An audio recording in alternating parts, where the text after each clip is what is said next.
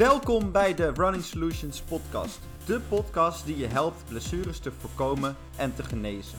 Door jou meer te leren over hardlopen zullen we je transformeren in een gezondere, sterkere en betere hardloper. We gaan alle onderwerpen langs die jou kunnen helpen om niet meer diezelfde fouten te maken en diezelfde blessures te krijgen.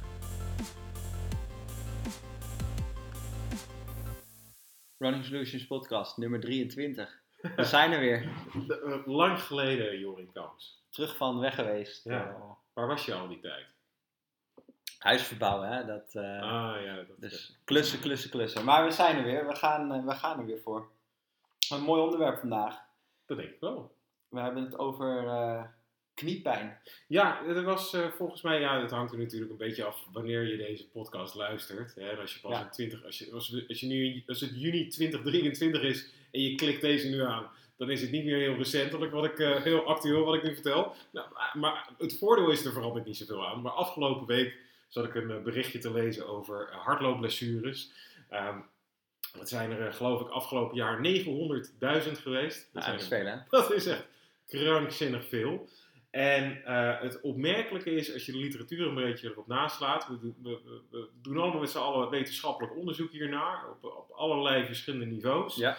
Ehm, en ehm, er is heel veel geloof in bepaalde dingen, hè, zoals bijvoorbeeld technologie, dat zou het allemaal moeten kunnen gaan oplossen. Van de meest simpele hardloop-appjes tot aan de meest dure systemen die, eh, die in revalidatiecentra worden wordt gebruikt. Ja. Maar toch wat je in de praktijk ziet, is dat zolang als de mens aan het hardlopen is, en geloof dat het in de jaren 70 of 80 van de vorige eeuw werd het echt populair, hè, werd het op grotere schaal gedaan. zeker. Sindsdien is het aantal blessures alleen maar toegenomen, nooit afgenomen. Dat is toch Ja. opmerkelijk. Nou, is ook wel het aantal mensen dat, eh, dat het doet, is ook toegenomen. Dus in zekere zin is daar wel een verband eh, te leggen. Zeker, maar het Dat- feit dat we dus geen, eh, geen manier hebben om het aantal blessures te verlagen, dat zegt genoeg.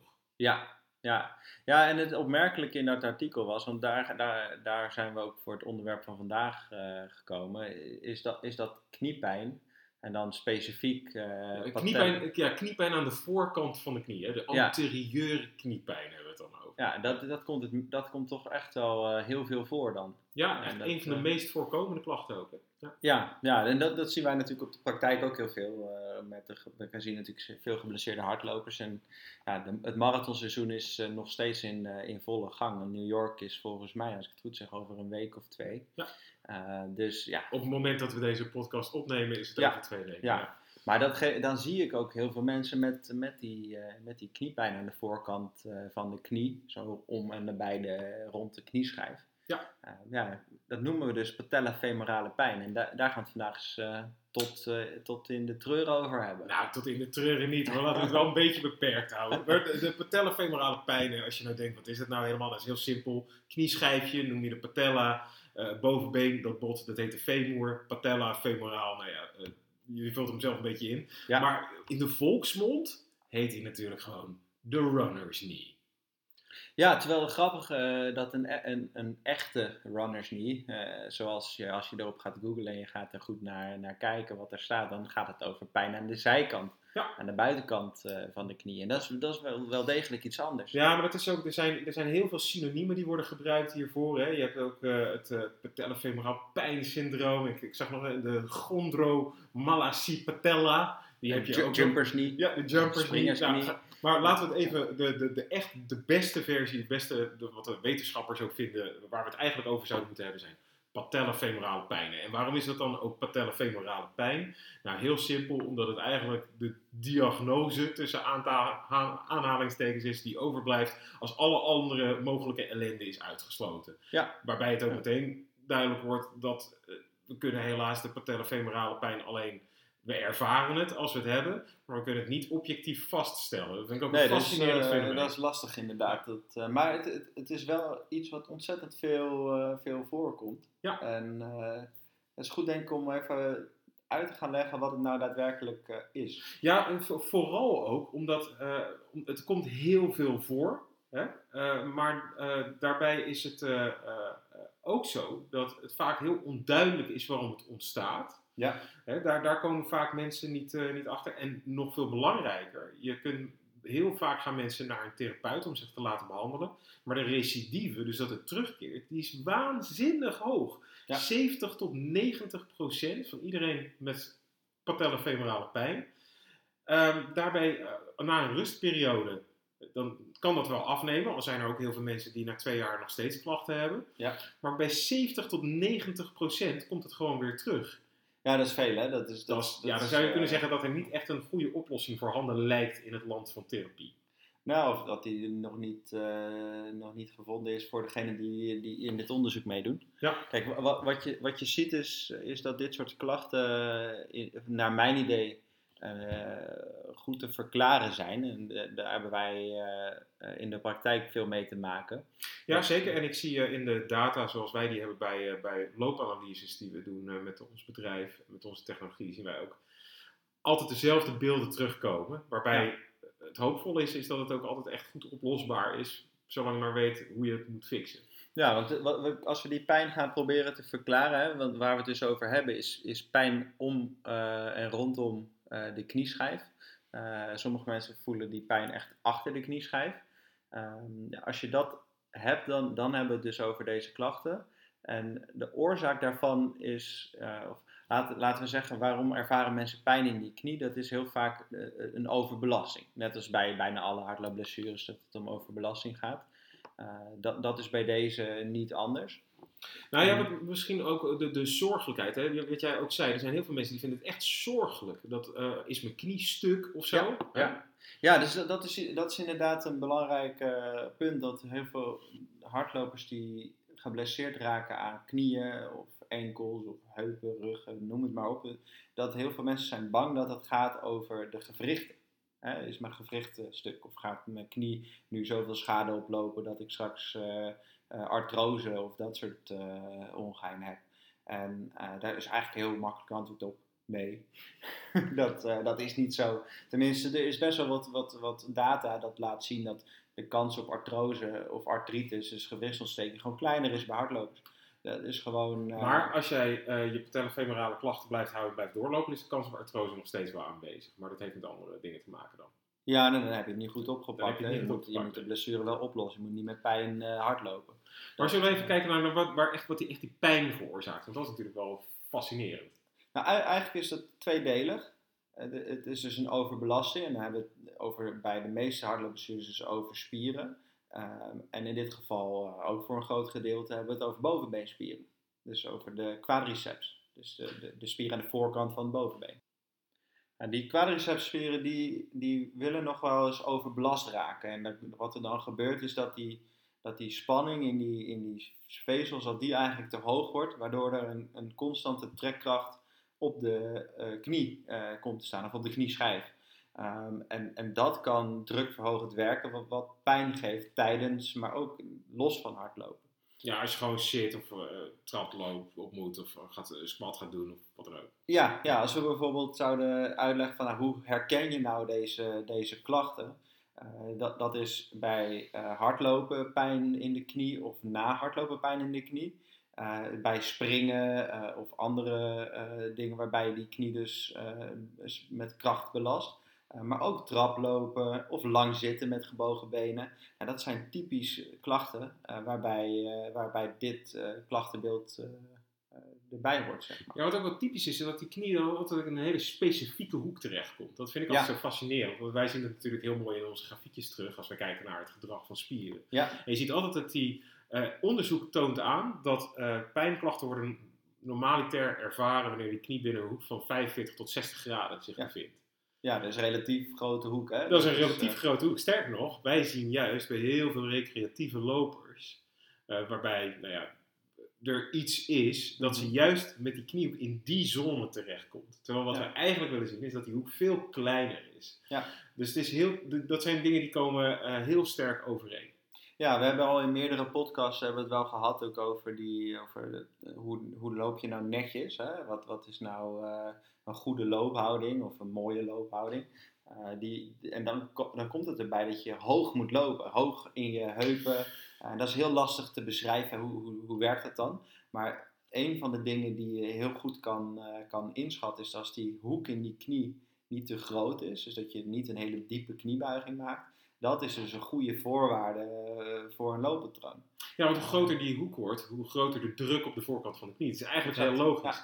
Het is wat van oudsher, ja tegenwoordig hoor je het gelukkig niet meer zoveel in de sportschool. Maar het is van wat oudsher heel veel mensen altijd zeiden, als je squat gaat doen mag je niet met je knieën voorbij je tenen komen. Want Ja. dan wordt de druk op die knieën zoveel te veel te hoog.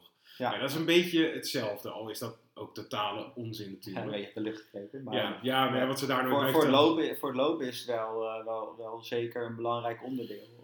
Ja, zeker. En, en, en een gevolg van, van wat we dus zien in die diepe kniebuiging is, is ook echt wel een verhoogde eh, druk in, in dat eh, kniegewricht. Hè? ja, echt op dus, het eh, bot. Het botniveau, ja. Dus wat, wat, wat je bijvoorbeeld ziet is die knie kan buigen en strekken, maar die kan niet zo heel veel draaien. Dat kan een beetje, maar dat is in principe niet zo wat je daarmee doet. Totdat je dus met hardlopen diep in die knie gaat buigen en eh, misschien je voet wat naar binnen kantelt of vanuit je bil-heup-regio die, die knie niet naar, naar, naar rechtdoor kan sturen, maar dat die wat naar binnen of naar buiten beweegt. En dat zorgt dus eigenlijk voor een verhoogde druk in dat gewricht. Ja, en ook vooral het raakvlak wordt steeds kleiner. Hè? Dus waar je bijvoorbeeld, eh, eh, als, je, als die knie volledig recht blijft, dan heb je bijvoorbeeld 5 centimeter van een soort plateautje wat je aan het belasten bent. Ja, En op het moment dat je iets te ver naar binnen zakt met je knie, omdat je kniehoeken te groot worden, omdat je te diep komt, Ja. dan wordt misschien nog maar, nou, laten we zeggen, 20, 25 procent wordt, wordt opgevangen. Ja. Dus dat is hetzelfde als dat ik mijn hand op jouw rug zou neerleggen en ga duwen. Dat kan jij heel goed hebben, maar als ik met dezelfde druk met alleen mijn vinger ga doen, dan word je na verloop van tijd helemaal gek. ja. Omdat die druk relatief te hoog is op dat ene klein kleine puntje. ja, en Ja. dat repetitief doen de hele tijd zorgt ervoor dat metabolisme ook in dat bot veel te hoog wordt. Dan krijg je een soort van vochtophoping, waardoor het Ja. bot iets in volume toeneemt. Dan wordt het druk in dat hele gewricht natuurlijk iets groot. Ja, vooral dat, dat, dat drukverhogen eh, wat dat vocht doet. Hè. Je, je kan ook echt wel zwelling zien in zo'n knie dan. Ja. En dat hoeft niet trouwens. Hè. Dat, dat kan ook helemaal niet zichtbaar zijn. Eh, dat is in, Ja, zeker in als het de alleen in meeste het bot gevallen- zit. Ja, Ja. in de meeste gevallen zie je dat niet. Maar en dat, dat is wel een hele duidelijk aan te wijzen oorzaak van die, van die pijn. En, en daarvoor is, is een beetje rust nodig natuurlijk, want dat, dat heeft gewoon even hersteltijd nodig. Maar het heeft voornamelijk eh, ja, correctie nodig in je training. Want als we dan gaan kijken wat is dan de oorzaak, dan is het dus eigenlijk je manier van bewegen. En eh, hoe, hoe kom je nou tot die manier van bewegen? Dat is interessant. ja, 9 van de 10 keer, en eigenlijk kan je dat denk ik voor bijna elke chronisch opbouwende blessure kun je dat zeggen. Als je doet wat je altijd deed, dan zul je krijgen wat je Ja, ja, ja, krijgt. ja. Maar waar het op neerkomt is, is eigenlijk, als, je- als je het mij vraagt, als je gaat kijken naar die, naar, naar die looppatronen die dit veroorzaken, is dat je gewoon bepaalde spieren eh, qua kracht niet voldoende hebt. Of eh, qua eh, coördinatie, de- dat je ze gewoon te weinig gebruikt. Ja. En dat- dat is natuurlijk wel interessant, want dan hebben we het dus over hoe moet je lopen. Ja. En daar komt bij deze blessure wel op neer. Ja, sterker nog, als je gaat kijken naar, eh, vol- volgens mij, maar ja, wat weet ik ervan? Als je gaat kijken naar hoe dit zich ontvouwt doorgaans, wat ik fascinerend vind, is dat op het moment dat bijvoorbeeld één spier niet meer meedoet, dan kan je nog steeds bewegingen uitvoeren, maar dan wordt het door anderen overgenomen. Ja, zeker. En in dit geval is er, denk, ik, zijn er eh, twee spieren die het vaak niet doen bij hardlopers. Die kunnen nog steeds wel hardlopen, ondanks de afwezigheid van twee vrij belangrijke spieren. Maar dat zorgt er wel voor dat je in dit soort ellende terechtkomt. Nou, terugkomend iets wat we in meerdere afleveringen al hebben gezegd, is dat er te weinig kracht vanuit de bilspieren en vanuit de hamstrings eh, komt. Hè? Ja. En eh, heel simpel, als jouw, eh, jouw knie moet strekken of jouw heup moet strekken, want dat is, die zijn inherent aan elkaar. Dus jouw hamstrings zijn een strekker van je heup. Dus die zorgen ervoor dat je niet zo diep in je knie buigt. En ze belemmeren inderdaad kniebuiging. En dat Ja. is een beetje raar. Aan de ene kant zorgen ze ervoor dat je heup naar achteren kan bewegen, maar tegelijkertijd drukken ze ook je knie naar achter, wat effectief ook strekking is. Strekking, ja. ja. En op het moment dat die spieren er niet zijn, dan zakt de hele boel als een plumpudding in. En dan krijg je meer dat het een soort van kangeroe-hop wordt, dan dat je nog over eh, sierlijke Eliot Kipchoge lopen kan doen. Ja, nou kan niet, niet iedereen kan als een wereldrecordhouder rennen, maar dat, dat hoeft ook niet. Ik zit daar helemaal niet zo ver eh, vanaf. eh, nee, nee, nee. Ja, op die 100 meter. Zelfs dan niet. Dat, eh, nee, nee, nee, daar haal je wel langer na niet. Nee, nee, nee, nee, dat was maar een grapje. Maar wat wel goed is om te begrijpen is dat Het enige dus, wat eh, Eliot Kipchoge en ik gemeen hebben is onze leeftijd, geloof ik. ja, ongeveer. Ja. Wat, wat dus de kunst is, is om, eh, om meer vanuit die hamstrings en uit die bilspieren te lopen als je deze klachten hebt. Ehm, want die, die ontlasten die bovenbeenspieren die dus overprikkeld zijn geraakt als je, als je dus zo, uh, zoveel loopt. Ja, daardoor krijg je meer spanning inderdaad op die bovenbeenspieren. Die gaan alleen maar extra lopen zeulen. Ja. Maar dan is de vraag wel, er is, er is natuurlijk niet een of andere knop die je kan omzetten waarbij je in één keer zegt, nou, vandaag ga ik wel gebruik maken van mijn hamstrings. Nee. Gisteren deed ik het niet, maar vandaag is de dag, nu, nu ga ik ermee beginnen. Ja, dat, dat is tweedelig. Hè? Dan, het kan zijn dat het een krachtsprobleem is. Het kan de mobiliteit, of eigenlijk driedelig. Mobiliteit, kracht, dus hoe soepel ben je, hoe sterk ben je en, en uh, hoe, hoe beweeg je. Dus gebruik je die structuren wel. En wat wij op de praktijk heel veel zien is dat, dat, dat er vaak wel een krachtsprobleem is, maar niet altijd.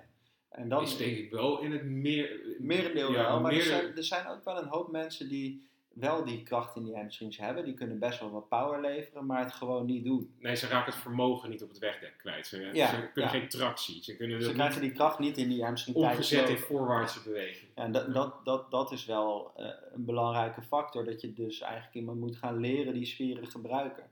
En het is niet zo dat ze het niet kunnen. Het is dat ze het gewoon niet doen. En, en dat kun je mensen wel leren. Dat is, dat is echt training van die spieren.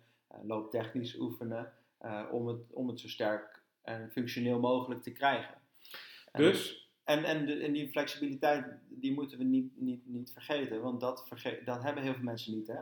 Dus als, als we bijvoorbeeld kijken naar hoe soepel zijn mensen in de heup, hoe soepel zijn mensen in de, in de voeten en in die hamstring is ook een hele belangrijke. Ja, dat is vaak echt niet zo sterk hoor. Ik verbaas me daar, kan je er wat meer over vertellen? Want ik verbaas me altijd weer over, ik, ik zie zelf ook dingen. Ja. Maar ik zie dan vooral dat iemand het niet voor elkaar krijgt om zijn heupfatsoen te strekken. Ja. Maar ik hoor verhalen van jou wat je in de praktijk meemaakt. Van mensen die het ook best wel kunnen. En ik heb ze zelf ook. Hè. Ik heb een, een, een, een, marathonloper, die heeft een keer ook een Ironman gedaan. Maar die, uh, die heup die komt niet voorbij de 0 graden. Die gaat nooit naar, naar, naar min 10 of min 13 waar die naartoe zou moeten. Die heeft geen heupstrekking. Die jongen die loopt gewoon 2,50 voor marathon. Ja. Vind ik bizar. Ja, maar jij, als jij een goede motor hebt, dan kan je best net komen. Ja, ja, ja. Het, het is ook puur geweld dat hij dat haalt. Maar het is, eh, het is geen sierpaardje of zo. Nou, kijk, in de basis, als we het hebben over blessures en hoe, en hoe voorkom je dat en hoe ontstaat dat, dan hebben we het over uh, drie pilaren. Uh, nou, misschien vier. Laten we, er, laten we er vier van maken. Je hebt je kracht, nou, hebben we net hè. We, uh, we hebben krachtstabiliteit, dat is eigenlijk één combinatie. We hebben flexibiliteit, hoe soepel is dat lijf. Dan hebben we het over biomechanica, hoe, be, hoe beweeg je. En dan hebben we nog, train je gewoon goed of niet je, je, moet niet overtrainen, je moet niet ondertrainen. Dus hoe ja, je hebt het echt over je belasting en je belastbaarheid. Ja. Als je die vier dingen goed doet, dan ben je nooit geblesseerd. Dan zou je zeggen dat er heel veel mensen zijn die in ieder geval één van die vier Nou, dat is dus het stomme, dat is altijd alles. Ja.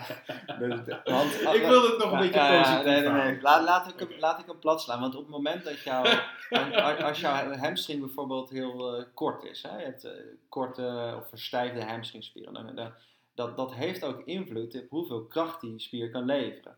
Uh, nou, kregen we laatst nog een vraag over hè, op, op Instagram van hoe werkt het nou als je wel of niet gaat rekken strekken.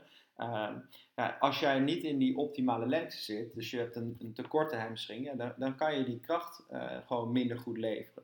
Als je uh, te flexibel bent, dan ook. Dan kost het ineens veel meer moeite om diezelfde kracht te leveren. Dus die, uh, die flexibiliteit heeft dus invloed op hoeveel kracht jij, jij hebt en dus invloed op hoe je beweegt. Dus die, die staan niet los van elkaar. Dat nee, je kan ook nooit los van elkaar Je moet al die, die elementen moet je dus ook trainen. En, en dat, dat is heel belangrijk. En dat is voor, voor deze klacht specifiek, is dat dus zorgen dat je, als je gaat kijken naar, hè, we hebben pijn aan de voorkant van de knie om de knieschijf. We weten dus bij deze, bij deze klachtenbeelden dat het heel vaak niet voldoende uh, kracht, stabiliteit vanuit de bilspieren, vanuit de hamstrings uh, is. Maar wat we ook weten is dat die bovenbeenspieren verstijven als gevolg hiervan. Dus daar moet je ook wat mee. Ja, dan heb je eigenlijk hand in hand al een aantal dingen uh, waar je gewoon direct al mee kan starten als je deze klachten hebt. Ja, we gaan zo direct gaan we inzoomen op hoe je dan zou moeten trainen. En dan gaan we echt even kijken naar technische dingen, waar je echt, waar je echt mee, uh, tips en tricks waar je morgen mee aan de gang kan. Maar ik denk dat het wel belangrijk is om nog één uitstapje te maken. Want uh, een van de dingen die we net uh, benoemden in uh, hoe, komt nou, hoe ontstaat die blessure nou? Mm -hmm. Hoe komt die tot stand? Is dat we zien in heel veel gevallen dat, die, dat dat been een soort van, ja, in het Engels noem je dat zo mooi, eh, het collapses. Ja, Het stort in, elkaar. ja, het zakt in elkaar. Ja. Het zakt te ver in elkaar. Je, buigt, je je- knie buigt te ver. Ja, ja, een knie. Je moet iets buigen. Dat moet. Hè. Je moet schok dempen. En eh, als, er geen, als dat er niet zou zijn, dan maak je alles stuk. Maar ga je daar te ver in, dan nou ja, er gaan van allerlei dingen gaan er mis die we in eerdere podcasts ook al besproken hebben. Trouwens ook zeker een tip om even naar de functie van het voorste zwaaibeen te luisteren. Volgens mij was dat de tweede of de derde podcast. Die gaat hier volledig over. Ja, ja. Ehm, maar eh, wat, wat nog heel interessant is, is wat er gebeurt als dat been, als je te ver inzakt, is dat die voet, die zakt helemaal naar binnen, die proneert heel erg. Ja. Ehm, wat gebeurt er dan vervolgens? Je gaat naar een schoenenzaak toe en je hoopt hè, in, in de belofte van iedere schoenfabrikant dat de schoen gaat ervoor zorgen dat jij beter gaat lopen. Nou, dat is een mythe puur zang, dat slaat nergens op. Ja. Ehm, wat er dan gebeurt, en we zien het zo vaak gebeuren, en ik was laatst ook weer bij zo'n eh, winkel, dan wordt er alleen maar gekeken naar het inzakken van eh, die voet. En voor de rest wordt er nergens naar gekeken. Vervolgens krijg je een schoen aangemeten met aan de binnenkant enorme anti- antipronatieblokken erin, waardoor dat been wel effectief naar buiten wordt gedrukt. Maar de vraag is, wat corrigeer je dan een- eenmaal? En wat wij zien, en dat zien we in onze data ook, eh, in onze bewegingsanalyses terugkomen, is dat inderdaad dat onderbeen gaat dan wel wat rechter staan, maar die knie die kan niet meer corrigeren, die krijgt veel meer druk op andere plekken. Ja. Eh, nou, zonder al te diep in te gaan op wat er biomechanisch gebeurt, dus hoe die botten allemaal ten opzichte van elkaar roteren en wat daar gebeurt. Daar wordt ongelooflijk veel de soep in geholpen. Dus Ja. Schoenen die corrigeren, dat is echt leuk tot op zekere hoogte. Nou, voor sommige mensen ook echt wel effectief. Hè? Dus dan moeten we ook zeker niet... Oh, eh, ik heb ook een klein steuntje aan de binnenkant. Maar- omdat het iets comfortabeler van wordt en dat ik het daardoor langer kan, kan volhouden. Maar effectief op het moment dat je dat echt hyper ver gaat doen, Dat is niet handig. nee, dan duw je juist jezelf helemaal een verkeerd postuur in. Wat, wat wel ook grappig is, is, dat- is dat het heel vaak ook niet in die voet zelf gebeurt natuurlijk. Hè? Dus, dus het is die hele bewegingsketen. Ja. En, eh, en dan, dan zien we het dus vaak ook hogerop in de knie en heup eh, en in, ook in de rug zelfs. Ja. eh, van alles gebeuren, waardoor dat dan... En dan moet je je voorstellen als je dus in je heup wegzakt, hè? dus die knie valt dan wat naar binnen, dan gaat die voet ook mee naar binnen. Dan zet je een blok in je, in je schoen, dus dan, dan, dan kan je voet daar niet mee. Maar je heup wil nog steeds, hè? Ja. dus die gaat gewoon over dat blok heen.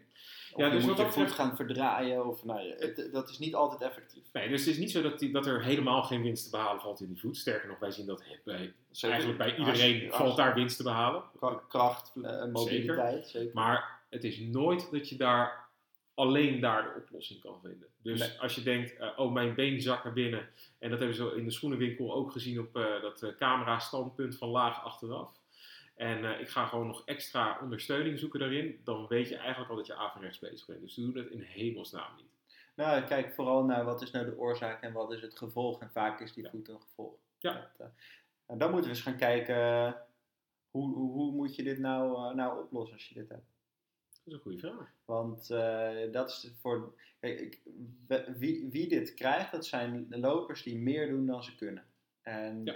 eh, en dan gaat het over wat die knie kan. Hè? Niet wat zij conditioneel aan kunnen, maar wat kan die knie op dit moment 9 aan. van de 10 keer is de conditie veel te goed voor wat het lichaam eigenlijk eh, Zeker, op, eh, zeker. op dat weefselniveau aan kan. De- dus wat, wat, wat we moeten doen is, hè, je, je hebt deze klacht. En wat is stap 1? Dat, dat, dat is zorgen dat die pijn weg is. Hè? Dus stap 1 is rust.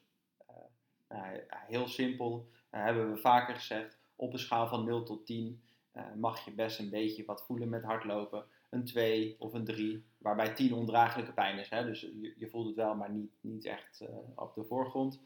Eh, dan heb je daarna een 24 uur herstelperiode en dan moet het weer weg zijn. Blijft het langer dan 24 uur aanhouden, dan heb je een blessure. Eh, heel, heel makkelijk, maar wel effectief, want dan weet je dus, nu doe ik te veel.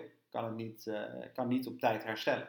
Dus dat, dat moet je voor jezelf even aanhouden. Als je deze klacht hebt, mag je niet langer dan 24 uur na hardlopen pijn hebben. Of een toename van pijn.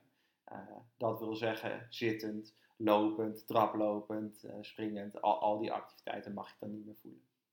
En dan eh, weet je dus of je rust moet houden of niet. Maar dat lost natuurlijk niet op. Dat geeft alleen eventjes dat je er geen last van hebt. Maar als je dan weer gaat hardlopen, komt het terug. Ja, nou we, we hebben al gezien, hè, rust doet in die zin ook goed dat als, als er wat, eh, laten we even die vochthoping in dat bot noemen, hè, dat is Ja. dat verhoogde metabolisme in dat bot. Het goede nieuws is dus, als je rust neemt, neemt dat af. Ja. Dat geeft ook wel aan waarom heel veel mensen bij rust ook wel herstellen. Maar als je weer gaat lopen en die druk wordt weer opgevoerd, dat het weer terugkomt. En dat is waar we het in het begin natuurlijk over hadden, hè, met die 70 tot 90 procent van de gevallen waarbij het terugkomt. Ja, als jij in dezelfde techniek blijft lopen of met dezelfde spierzwaktes, ja, Dan, dan, blijft het een probleem. ja, dan blijft dat een probleem. Dan ga je dat niet oplossen. Nee, dus ru- rust lost het niet op. Maar het is in ieder geval wel- wel de pijn weg. Ja, de pijn gaat weg, dat is het positieve. En je hoeft niet je zorgen te maken over dat er iets stuk is of zo. Nee, nee dan, dan is het dus de vraag van wat is dan eh, de oorzaak van, de, van het probleem. En wat we al zeiden, dat ligt heel vaak eh, in de hamstrings en in de bilspieren. Dus daar, da- daar zou je kunnen stellen dat je, als je deze klachten hebt, is het misschien verstandig om daarop te gaan trainen. Misschien is het dan ook even goed om op de bewegingsanalyse in te zoomen. Hè? Wat, wat gebeurt er nou in feite? Hè? Wat gebeurt er nou op het moment dat, dat dat belast gaat worden? Want dat is ook de enige manier hoe je je oefenstof kan gaan inrichten. Om- Ja, eh, ja. Nee, wat, je, wat je zou kunnen zeggen is op het moment dat je, dat je eh, voetlanding hebt, hè, je plaatst je voet aan de grond, dan heb je impact. Twee, drie keer lichaamsgewicht eh, of zo, wat je, wat je opvangt. En dat opvangen, dat, dat doe je dus met allerlei spieren. En als je eh, dat niet goed doet, dan, dan gaat die knie dus buigen. En die kan best wel ver buigen, nou, dat hebben we net al benoemd. Hè. En eh, wat dat betekent is dat dus de spieren die dat moeten remmen, je bovenbeenspieren dus enorm belast worden. Terwijl als je dus meer vanuit die kracht, vanuit die bil en hamstring, eh, die strekking in die knie behoudt, dan hoeven die bovenbenen niet zo hard te remmen. Ja, maar dit is, dit is echt een cruciaal punt. En hier gaat het zo ongelooflijk vaak fout. Ik zie het eh, in de praktijk ook. Want dan, hè, dan, dan bijvoorbeeld op het moment dat je zegt, we gaan die quadriceps trainen, hè, die bovenbeenspieren aan de voorkant. Ja. Dan, eh, dan worden mensen een leg press opgeduwd. Of gaan staan squatten. Ja, Maar de grap is, dat zijn allemaal bewegingen waarbij je het been aan het strekken bent. Terwijl de Mhm. pijn ontstaat niet, die druk op die knie ontstaat niet terwijl je die knie aan het strekken bent. Die druk op die knie ontstaat wanneer je aan het buigen bent. Ja. Dus je moet veel meer denken aan oefeningen waarbij je bijvoorbeeld van een ho- verhoging afspringt en dan iets inzakt. Daar moet je op gaan trainen. En niet zozeer op een leg press gaan zitten, omdat het een totaal andere belasting is. Dus de kunst is eigenlijk om die, om die kniebuiging te remmen Juist. en niet zozeer om hem te te, maken. bewerkstelligen. Ja. En dezelfde fout wordt gemaakt met, eh, met hamstring, eh, hamstrings trainen. Je hebt een, eh, een schitterend apparaat in de gemiddelde fysiotherapiepraktijk op sportschool staan. Het heet de hamstring curl. Ja. En dan moet je dan op je buik op gaan leggen, liggen. En dan de En hak dan- naar de beeld trekken. En dan moet je je hak naar de bil toe bewegen. Dus je moet je knie gaan buigen. En inderdaad, de buiging van de hamstring, dat is een functie die die heeft. Maar dat is even niet de bedoeling op het moment dat jij aan het landen bent en ervoor wil zorgen dat je Nee. niet door je hoeven heen zakt. Nee, Dan nee. is dat ding juist bedoeld om te remmen, om die kniebuiging te stoppen. Dit hebben we ook in de hamstring podcast helemaal. eh, we hebben er eentje over hamstrings opgenomen. Die gaat helemaal hier in de diepte in. eh, in, in de hamstring, eh, hoe die functioneert, zeg maar. Dus mocht je nu met uh, patellofemorale klachten rondlopen, luister ook die zeker even terug. Exact. En, en de- dus is het dus de, eigenlijk de kunst om die spieren die je kniebuig te remmen, dus dan moet je ook oefenen. Dus als je, wat je zegt, als je ergens van afstapt, en je, dat is ook waarom het met, eh, met traplopen, dan moet je dus best wel diep door die knie buigen en remmen. Ja. dat is dan net te diep. Hè? Dus, dus dan moet je verder buigen dan, eh, dan eh, prettig. En wat op zich geen probleem is als je deze klacht niet hebt. Totdat je deze klacht hebt, dan wordt het ineens een probleem. Ja, dan moet je dus gaan oefenen op juist dat, eh, dat kunnen tegenhouden, die beweging. Ja, kortom, je moet zoeken naar oefeningen waarbij je te alle tijden voorkomt dat je in die te grote kniehoek terechtkomt. Dat is dus een zone, hè, die 45 tot 60 graden waar we het net over Ja. hadden. Een zone waar je niet in wil zitten. Als je deze klacht hebt. Als je deze klacht... en, als je, en met hardlopen ook niet, maar met andere activiteiten natuurlijk prima. Ja, zeker. Ja, Sterker nog, op het moment dat jij eh, eh, voetballer bent dan, eh, dan, en jij moet remmen voor een bepaalde actie of zo, dan is dat gewoon dikke prima. En er is er niks Het meer soms zelfs zo je voordeel uithalen. Ja. Dan je sneller van de grond en zo. Maar voor hardlopen is niet, niet de bedoeling. Nee, niet ideaal. Nee. Dat, dus als we hem zo even plat slaan tot nu toe, dan zeggen we eigenlijk: je moet rust houden als je pijn hebt. En je moet die remmende beweging moet je trainen. Ja, het, Dat, het eh, tegenovergestelde van acceleratie, je moet aan deceleratie gaan werken. Ja, dus die remmende, remmende kracht. Hoe zorg je ervoor dat op het moment dat je op één been terechtkomt en je moet je lichaamsgewicht opvangen en je moet dat allemaal maar eh, uitbalanceren en je stabiliteit zien te bewaren, Wat is daar nou zeer geschikte oefenstof voor? Nou, zeg maar. maar. Ik dacht, ga jij niet, jij bent de oefentherapeut. Ik, Nou ja. ik, ik kijk hoopvol naar jou. Nou ja, een, van de dingen die je zou kunnen doen, is bijvoorbeeld op het moment dat jij een verhogingje hebt, en het klinkt echt heel kinderachtig, maar überhaupt gewoon eh, een trap, om daar maar eens een keer van af te gaan stappen en proberen je been zo gestrekt mogelijk te houden. Dat is al eh, moeilijk zat. En zeker op het moment dat je eh, dat met je handen boven je hoofd gaat doen, dan wordt dat een steeds moeilijker opgave. Nou, er zijn talloze oefeningen die ik in een sportschool zou kunnen bedenken, maar we doen het even voor praktisch thuis. Hè. Mhm. Ik denk dat dat het allermakkelijkste is. Dat zou er één kunnen zijn. Maar als we nog veel makkelijker pakken, en we hebben dat, eh, dat opstapje toch liggen, misschien moeten we dan juist beginnen met eerst maar eens kijken of die hamstrings geactiveerd kunnen krijgen. Ja. Dus bijvoorbeeld een bruggetje maken terwijl je op je rug ligt. Ja. Dus voetjes op het verhogentje van een centimeter of 20, je ligt op je rug, armen sla je gevouwen over je borst heen en dan druk je je heup eens richting het plafond. En dat hou je 2, 3 seconden vast. Als je dat kan met twee benen, ga het maar eens een keertje met één been doen. Ja, en dan eh, heb je je been bijna helemaal gestrekt, toch? Ja. Ja, je moet die heup moet je strekken en die knie, die, nou, die mag iets gebogen zijn, maar die mag zeker niet buigen.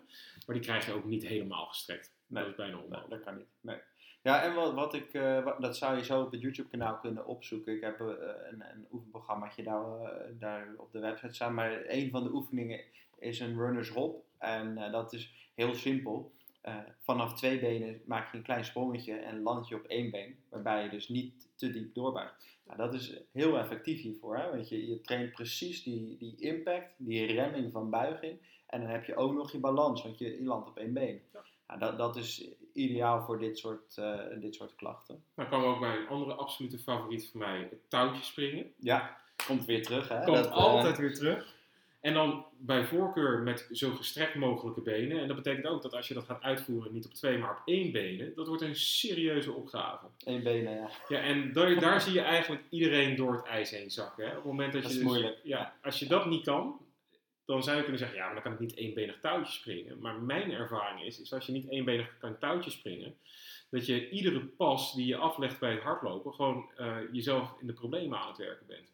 Ja, het is, dat is echt wel, het is ook wel echt lastig. En dat heeft ook te maken omdat het met, eh, met armen en benen gelijktijdig eh, bewegen is op een ritme dat bepaald wordt door een touwtje.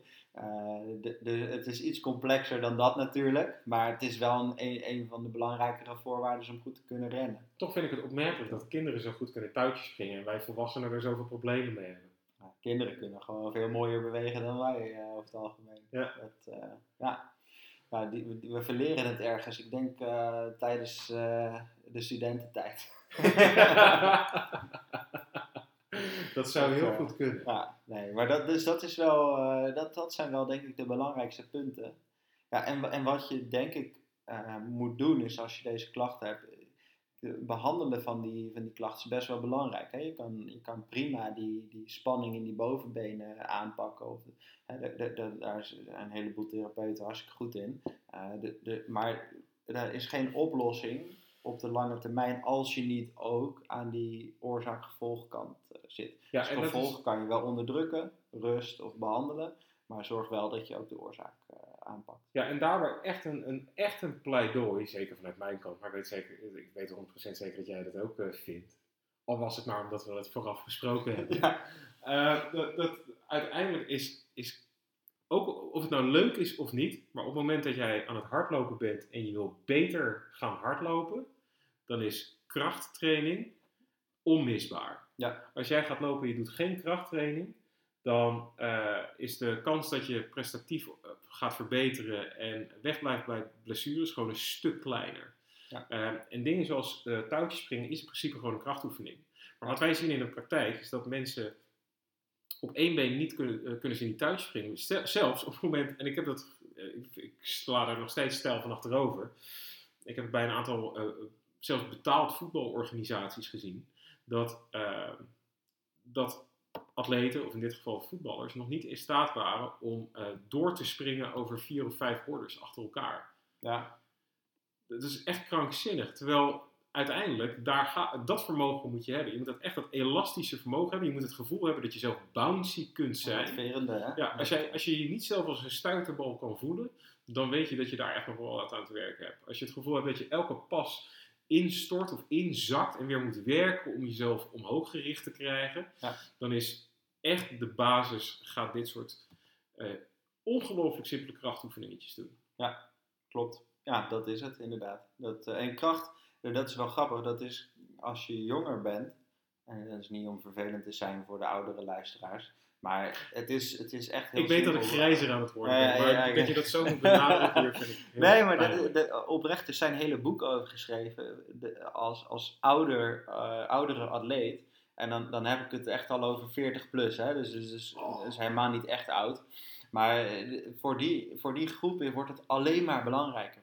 En als je, eh, als je dat niet traint, of je, je, traint, je onderhoudt dat niet, dan, dan zie je gewoon echt problemen ontstaan. Het is niet dat het niet belangrijk is voor twintigers of dertigers, maar die hebben gewoon van zichzelf nog iets meer herstellend vermogen, iets meer elasticiteit in die weefsels, waardoor het iets minder eh, snel tot problemen leidt dan bij iemand van 40, 45 eh, of ouder. En da- da- dus het wordt alleen maar belangrijker. Dus, dus eh, voel je aangesproken als je in die groep valt. Dat moet je echt trainen. Ik heb in mijn eh, leven nog niet zoveel. Ik ben nu eh, bijna 39. En ik heb in mijn leven nog nooit zoveel touwtje gesprongen als nu. En wat ik heel grappig vind, is dat eh, ik, ik train in een behoorlijk grote gym. Eh, qua echt gewoon omvang van het gebouw. Ja. Er is veel ruimte, dus ik kan daar ook vrij veel fratsen uithalen. En het geestige is dat heel, heel veel mensen komen vragen waarom ik dat doe. Waarom ik zo fanatiek sta te touwtjes springen. Nou, gelukkig in sporten als crossfit en zo is dat al best wel normaal, maar dan wordt Ja. ook al vrij lui gesprongen. Moet ik eerlijkheidshalve ook wel zeggen. Maar dan zie je wel dat andere mensen gaan het dan overnemen. En Mhm. ik sta daar niet als, als doel om iedereen te leren hardlopen. Sterker nog, ik probeer daar een beetje in de anonimiteit te opereren. Uh, maar dan komen ze later naartoe en zeggen ze, het helpt echt. Ik loop makkelijker, snelle dingen openen op en uh, ik zeg opening up. Ja, ja, Ja, het- het- ja, het opent. Wordt, wordt vrijer in beweging. Het vrijer. Ja. Dus um, nee, het, het, het, is echt daadwerkelijk een heel cruciaal onderdeel. En sterker nog, ik denk dat als je vijf minuutjes gaat touwtjes springen en je gaat daarna je hardlooptraining doen, dat het een stuk lekkerder gaat. Ja, ja. Nee, dat, dat zeker. Sowieso, maar daar hebben we het in een andere podcast over gehad, dat je warming-up weer belangrijk is. Maar dat is een ander verhaal. Ja. Dat, uh, Zeker. Ja, dus als we hem samenvatten, uh, als jij uh, pijn rondom die knieschijf hebt. Het goede nieuws dan, is, het is te verhelpen. Ja. Maar je moet het wel zelf doen. En je bent meestal niet kapot. Je bent, ja. dat, uh, uitzonderingen daar gelaten, maar over het algemeen niet. Uh, je, je moet dus gaan trainen op, uh, op, de, op de kracht van die hamstrings, op de kracht van die beelspieren, op het remmende vermogen van die kniebuiging. En belasten, belasten naar geleide van de pijn. En zoek een, een, een, behandelaar op in de buurt die je kan helpen om, die, om, om dat aan te pakken, terwijl je simultaan dat op kan trainen. En uh, als, je, als je twijfelt of je goed loopt, dan moet je het gewoon laten bekijken door iemand die, die dat objectief kan analyseren. Zoals bijvoorbeeld de waanzinnige firma Running Solutions in Hilversum, bij Tripro gevestigd, of bij Oryx Movement Solutions. Je kan ook een mailtje sturen. Ja, nou dan, uh, dan hebben we hem denk ik. Ik dat, dacht het wel. Uh, ja, het enige wat, uh, wat, nog misschien wel goed is om te zeggen, en dat staat even los van deze podcast, is dat, het, dat als je nu een marathon in het voorjaar wil lopen, en je wil op een goed schema zitten, dan, dan moet je even naar, ons, uh, naar onze website kijken. Want we, we zijn nu uh, volop in de voorbereiding op, uh, op de nieuwe marathons. En ja, op een goed schema trainen is toch wel essentieel. Ik, uh, ik stuur je straks nog even een mailtje als je het goed vindt. Gaan we jou van marathon zetten? met, uh, nou, ik ga zelf Rotterdam lopen, dus ik heb, oh, ik heb er wel zin in. Ja. Heb, je, heb je nog een tijd waar je op richt dit keer? Want de vorige keer was je, wat liep je toen, 2,36 of zo? Was je super ontevreden? Nee, ik was hartstikke tevreden en ik had 2,34, laten we wel weten. Oh, sorry.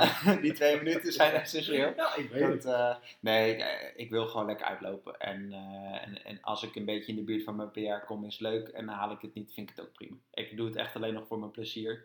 En uh, als de prestaties daarbij komen, is hartstikke leuk. Uh, maar daar gaat het niet om bij mij. Nee, ik ga die tijd niet halen, ben ik nou. Nou, we kunnen nu wel eens kijken of we je onder de 6 uur kunnen Mocht je trouwens nog vragen hebben. Waar oh ja, je, waar je nou, goed dat je het zegt. We, we, hebben nog vragen. Oh, we hebben nog luisteraars. Nog, ja, we hebben vragen. Ik heb ze hier staan. Oh, dus we gaan nog helemaal geen afscheid nemen. Nee, we hebben nog één, uh, we hebben nog één vraag die we, die we doen. Die vraag gaat over het, uh, hoe heet het? Een um, Mobo-board. Mobo-board. Ja, dat is een soort uh, balansplaat van hout waar je dan uh, met, eh, met je voet op gaat staan en kan je je balans dan mee trainen. Waarbij dan je grote teen op de plaat eh, staat en je, en je kleinere tenen die vallen in een soort eh, gat, waardoor je die niet zo kan gebruiken. En het idee is daarvan is dat je ja, je balans eh, traint en dan eh, de, voornamelijk dus de kracht van je, van je grote eh, teen in, in de grond of in de plaat kunnen duwen. Dat is het idee. Ja. En wat vinden wij daarvan? Nou, op, op, ten eerste is balans trainen sowieso goed. Dus, hoe, hoe, als In, je, in het algemeen is balanstraining fantastisch. Dus, dus daarin eh, ben ik wel fan. Hè? Dat, dat, dat, dat, wil ik altijd wel zien. Maar het, het streven van, eh, waar wij het in de podcast ook heel veel over hebben, is je, je, je moet heel veel vanuit de Bil, Heup, eh, regio, vanuit Utrecht Centraal, zoals we in een van die podcasts uren over hebben gehad. Ehm, het, het gaat over stabiliteit vanuit de, ja, ja, stabiliteit vanuit de heup. En, en dit is natuurlijk niet vanuit de heup. Dus eh, wat, wat in mijn optiek eh, het- zo is, is dat als je eh, stabiliteit verstoort vanaf onderaf, is dat je eigenlijk het enige stabiele punt wat we in hardlopen hebben, eh, instabiel maakt. En dat het dus niet helemaal representatief is voor hetgeen wat we doen met hardlopen. Tenzij je op een eh mulzand eh, gaat rennen of op een eh, plaats als dit eh, van eh, gaat rennen, maar dat gebeurt natuurlijk niet. Nou, het komt een beetje overeen met hetgene waar we het net over hadden. Hè? Dus eh, eh, ook met, eh, op het moment dat jij die, bijvoorbeeld patellofemorale pijn, als jij die knie beter wil gaan laten functioneren en je moet die qua- quadriceps gaan trainen, dan moet je wel die spieren, je moet die spieren gaan leren. Je moet echt Ja. motorisch leren hoe ze zich moeten gedragen op het moment dat ze een impact moeten opvangen. Dat is dus iets anders dan een plaat of een stang wegduwen. Ja. Kortom, ehm, motorisch leren wil zeggen dat, dat het moet wel overeenkomen met je uiteindelijke doelbeweging. En er is een ijzeren wet in de sport en dat is je wordt goed in wat je doet. Dus op het moment dat je op zo'n plaat gaat staan, dan word je dus heel erg goed in op zo'n plaat staan. Ja. En je gaat zeker daar spierkracht mee trainen. Maar het is uiterst onzeker of dat die spierkracht die je daarmee traint, of dat je daar effectief ook iets aan hebt op het moment dat je gaat hardlopen. Omdat het een totaal andere beweging is die motorisch anders wordt aangestuurd.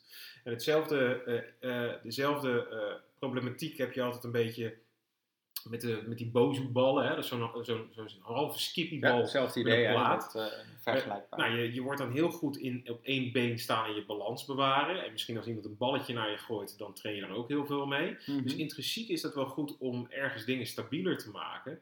Maar ehm, het is maar zeer de vraag in hoeverre dat ook een... Het zal een bijdrage leveren. of het helemaal toepasbaar is. Maar de vraag is hoe groot is die bijdrage? En doorgaans is die bijdrage, eh, zie je hem in de praktijk veel groter op het moment dat je verstoort van bovenaf. Hè? Dus als Ja. jij een stang in je nek hebt met daaraan gewichten die bungelen aan elastieken.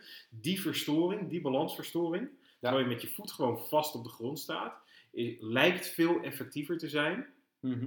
dan dat je je ondergrond instabiel gaat maken. Sterker nog, op het moment dat je die ondergrond te instabiel maakt, je kan je voorstellen dat als ik jou over een matje laat rennen, wat instabiel is, daar leer jij best wel wat van. Hè? Je gaf het voorbeeld van mulzand, daar, dat, dat is best wel effectief. Maar op het moment dat het super instabiel wordt, dan kom je ook weer in een zone terecht waarin het risicovol wordt. Dus leg een heleboel van dit soort balansbordjes achter elkaar en ga er overheen rennen.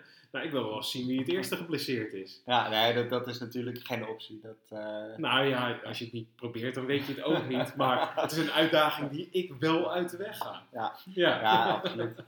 Maar waar het dus op neerkomt, is het, het, is, het is prima om te doen. Hè? Je, je zal vast en zeker er sterker van worden en beter worden in, in specifiek die oefening. De, de vertaalbaarheid naar hardlopen specifiek is, eh, is discutabel. Ja. Ehm, Sowieso Wat- het wat- hele fenomeen met klauwen. Hè? Want het gaat hier ook om eh, de, de klauwfunctie met die, Ja, die teen.